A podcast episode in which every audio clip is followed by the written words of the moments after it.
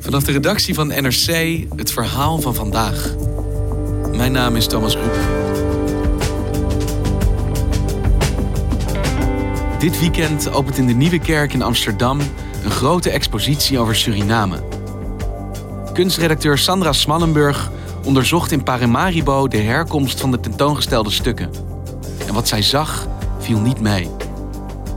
Museumdirecteuren, kunstenaars en conservatoren in Suriname maken zich grote zorgen. Het cultureel erfgoed, zeggen zij, staat op instorten.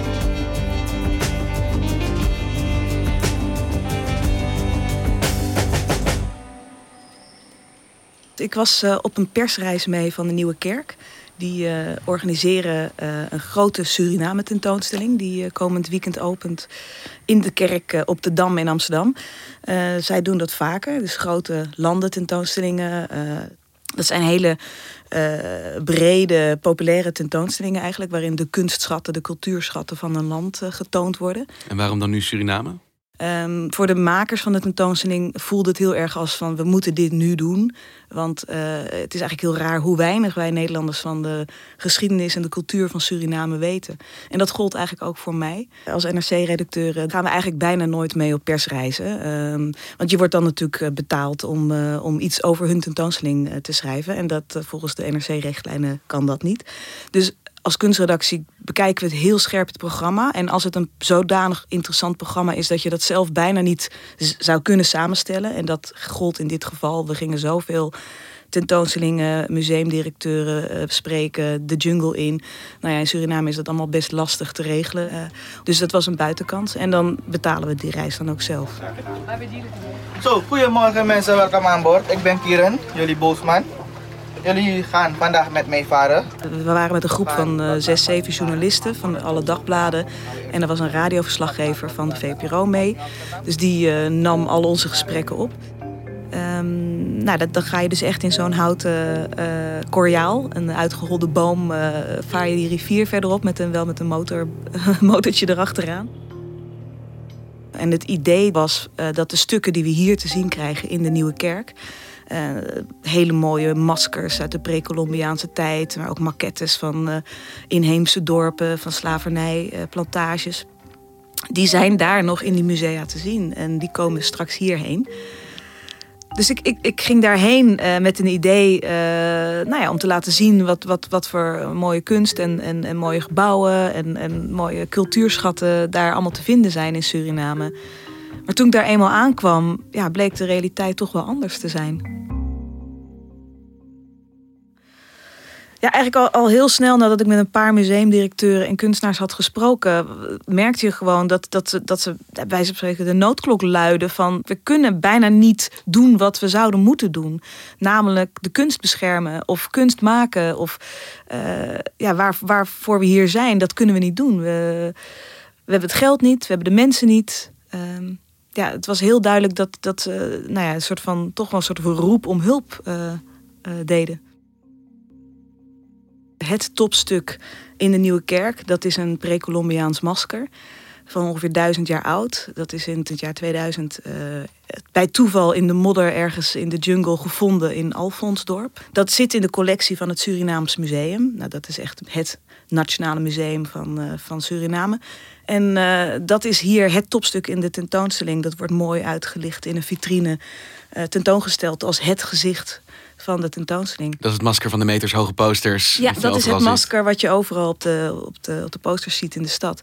Nou ja, en, en, en toen ik daar eenmaal was, uh, schrok ik eigenlijk van de omstandigheden waar, uh, waaronder dat masker geconserveerd uh, werd. Uh, dat lag daar in de afdeling archeologie. En uh, die vitrine, daar was het licht van kapot. Dus je zou er gewoon zo onopvallend aan voorbij lopen, want het was ja, bijna pikken donker. En de museumdirecteur vertelde van ja, uh, dat komt omdat de, groep van de elektriciteit zit op dezelfde groep van het restaurant van het museum. En ja, die uitbaatster had al een jaar geen huur betaald, dus die heb ik eruit moeten zetten. Dus het museumrestaurant was dicht. En dus ook de verlichting in dat deel uh, van het museum. Ze hebben een jaar geen huur betaald. Maar het is vervelend en het wordt nu niet meer onderhouden. Wat ik wel eh, schokkender vond, eh, was de, ma- de manier waarop die kunstvoorwerpen eh, geconserveerd werden. Dus er was maar één geklimatiseerde ruimte. Daar stonden dan echt kwetsbare papieren maquettes. Dus een ruimte waarin de vochttemperatuur worden gereguleerd. Precies, nou ja, ja, Suriname is natuurlijk tropisch land, dus daar is ongelooflijke hoge luchtvochtigheid. Als je daar rondloopt in het museum, het zweet druipt werkelijk over je rug heen. En eh, dat geldt dus ook voor die kunstwerken, die moeten in die eh, omstandigheden eh, ja, geconserveerd worden. En dat, dat is eigenlijk niet meer museaal, zou je kunnen zeggen. We werden daar eh, rondgeleid door de directeur, Laddie van Putten. Ik vroeg hem natuurlijk van hoe, hoe zit het nou met subsidies? Wie onderhoudt dit gebouw überhaupt? En toen zei hij, ja, het gebouw is van de Surinaamse overheid. Ehm, maar we krijgen geen geld om het te onderhouden. En hij wees naar de, de bakstenen muren van, eh, van het fort. En hij zei, zie je al die tropische planten en die klimop... die moeten we er iedere dag uittrekken, anders ontzetten ze de stenen. Dat betekent dus dat het gebouw zo'n beetje ja, wegrot, bij wijze van spreken. Eh, en dat hun taken als museumpersoneel vooral is de boel overeind houden. Eh, ja, dat vond ik echt chockerend. Want ze zagen de risico's aan eh, de, de elementen waar die kunstenaar wordt blootgesteld. Maar ze zeggen, wij krijgen niet de middelen, niet het geld, simpel gezegd, om dit te onderhouden. Om dit op een goede manier te kunnen conserveren. Ja, en, en hij haalde op een gegeven moment de Surinaamse grondwet erbij. Hij zei, eh, volgens artikel 47 in de Surinaamse grondwet... is de overheid verplicht om de cultuurschatten van Suriname te beschermen en te conserveren. Dat staat in de grondwet. Dat staat in de grondwet. En eh, hij zegt, wij zijn zeg maar een arm van de Surinaamse regering. Wij zijn eh degene die die taak hebben gekregen als, zeg maar, een als staatsmuseum. Door de staat betaald. Ja. Dus daar onderdeel van. Ja, en, en wij krijgen geen geld om die, die taak te vervullen. Dus wij, wij kunnen niet doen wat wij moeten volgens de Surinaamse grondwet. Ja, dus de staat verplicht ze dit te onderhouden, maar verstrekt niet de middelen om dat ook te kunnen doen. Het is een soort catch-22 waar je dan Ja. in zit. Nou, en ik merkte dus, we zijn later naar meerdere eh, musea geweest, dat dit echt de rode draad werd. Dus ook aan de overkant van de rivier, daar ligt Fort Nieuw Amsterdam. Dat is het openluchtmuseum van Suriname. Daar eh, sprak ik ook met de, met de directeur, Gerard Alberga. En die zei precies hetzelfde. Die zei, sinds 2012, toen is er een economische crisis in Suriname begonnen... eh, heeft de regering alle subsidies stopgezet. Dus we krijgen gewoon geen geld om ons museum te onderhouden. Om dat terrein met, met, met al zijn bomen en zijn, zijn koetshuizen te onderhouden, had hij eh, toch een groot aantal eh, tuinmannen nodig. Eh, maar hij moest tegelijkertijd al die mensen ontslaan sinds de bezuinigingen. Dus daar lopen nu nog, geloof ik, drie tuinmannen rond. Die de hele dag niets anders zijn, doen dan onkruid snoeien, gras maaien. Alleen maar om het terrein toegankelijk te houden voor het publiek. Want jij bent kunstredacteur, je spreekt natuurlijk vaker met museumdirecteuren, met conservatoren. Had je dit eerder gezien op deze manier? Nee, en, en daardoor was ik zo, zo door gechoqueerd. Eh, natuurlijk musea over de hele wereld gezien. En ook wel in, in armere landen, in Afrika. En ik, diep in de ex-Sovjet-staten. En zelfs daar eh, ja, zag het er beter uit dan, eh, dan hier in Suriname. Vanaf Fort Nieuw-Amsterdam eh, zijn we verder eh, de rivier opgevaren. Eh, je hebt daar die Kommerwijnenrivier.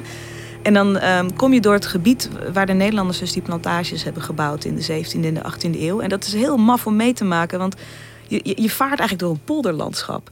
Met allemaal kanaaltjes en, eh, en slootjes eh, en sluisjes en dammetjes. Dus het is echt duidelijk dat die Hollanders daar eh, nou, gewoon een soort Nederlands polderlandschap hebben gemaakt.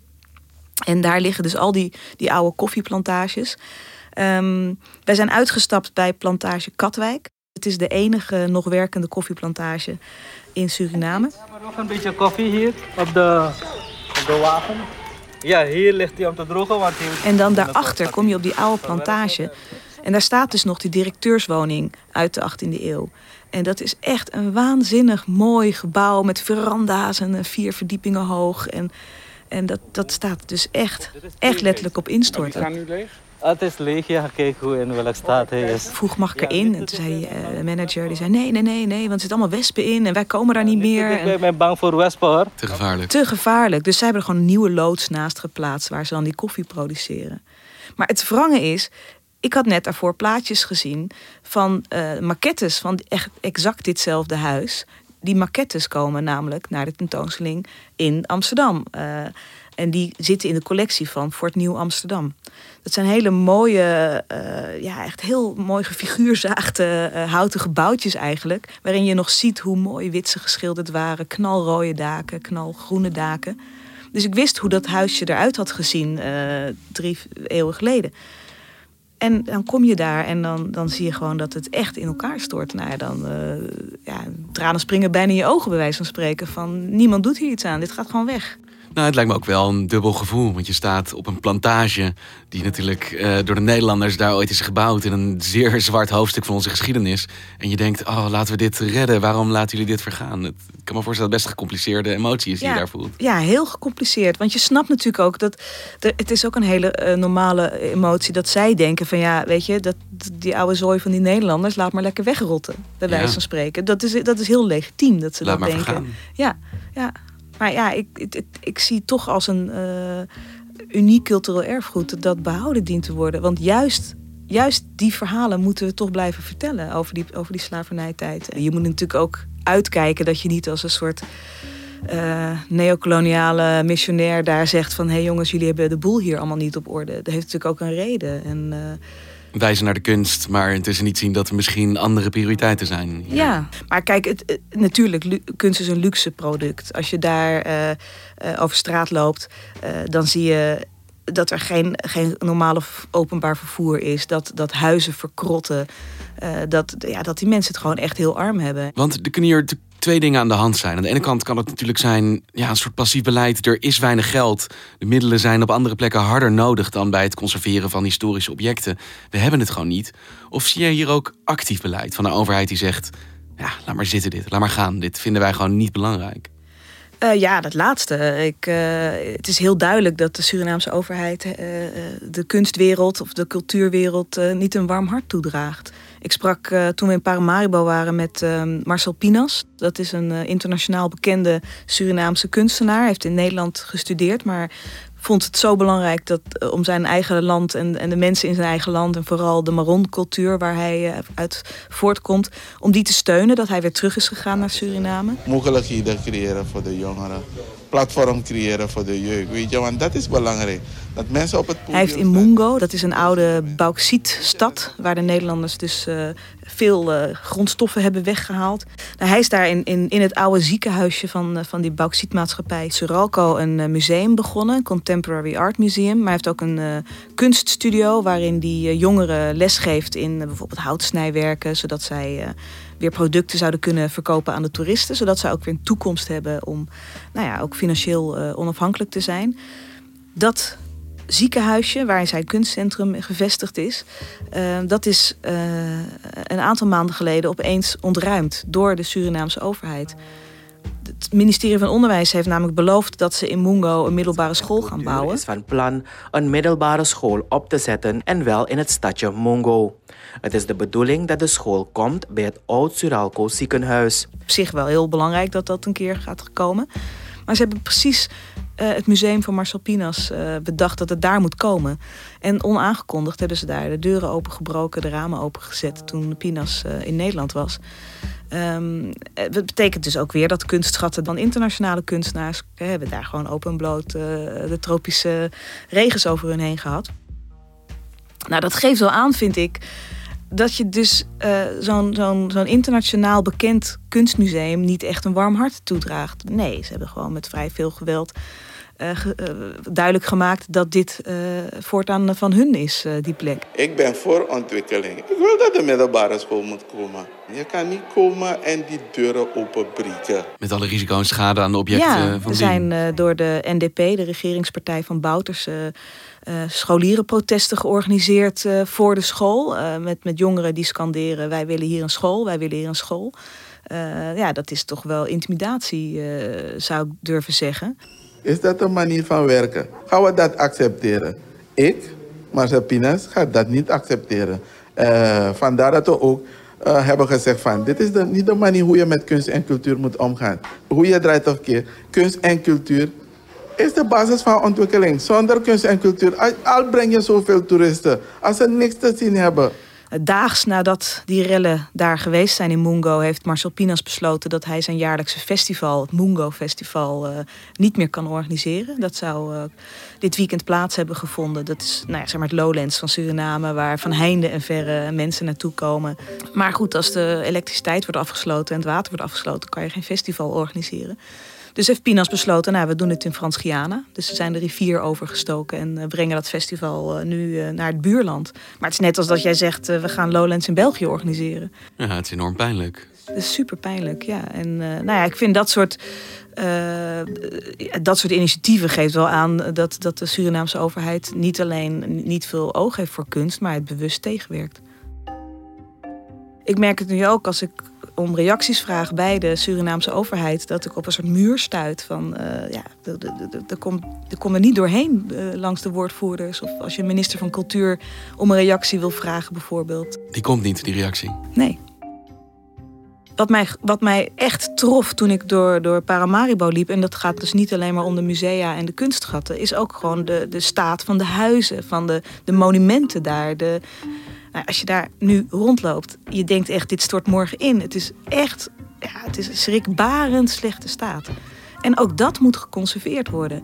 Ja, het is, het is een unieke plek. Nergens anders zie je die rare mix van uh, Zuid-Amerikaanse architectuur met, met Hollandse baksteentjes, zeg maar. Je moet je afvragen, is Suriname hier alleen verantwoordelijk voor?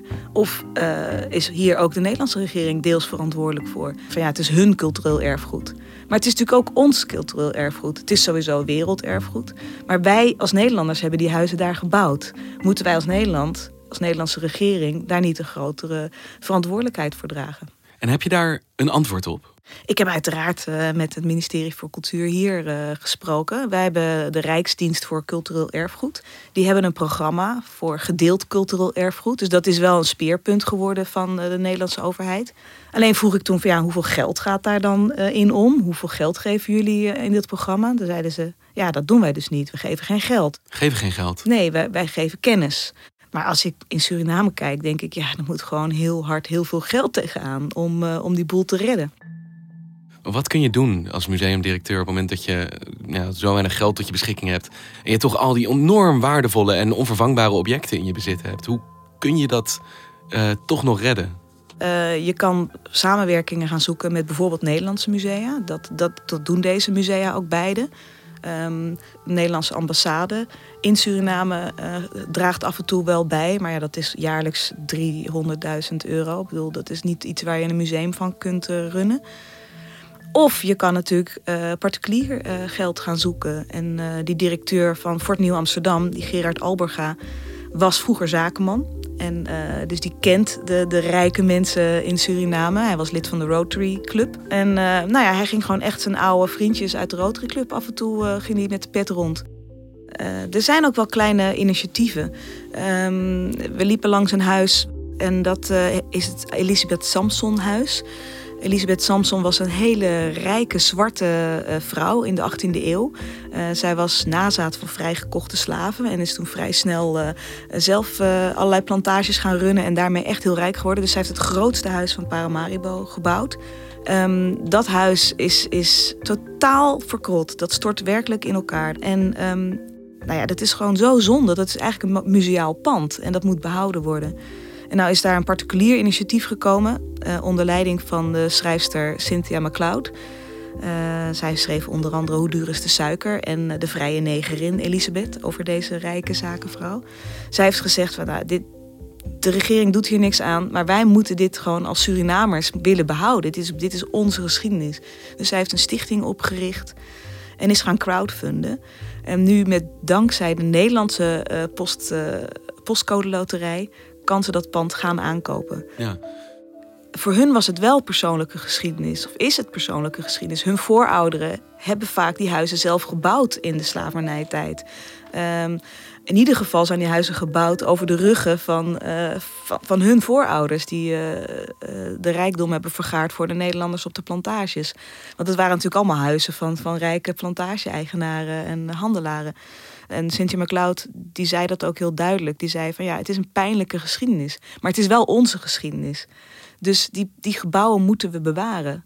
Zodat we dat verhaal kunnen blijven vertellen. Dankjewel. Je luisterde naar Vandaag. Een podcast van NRC. Eén verhaal, elke dag. Dit was vandaag. Morgen weer.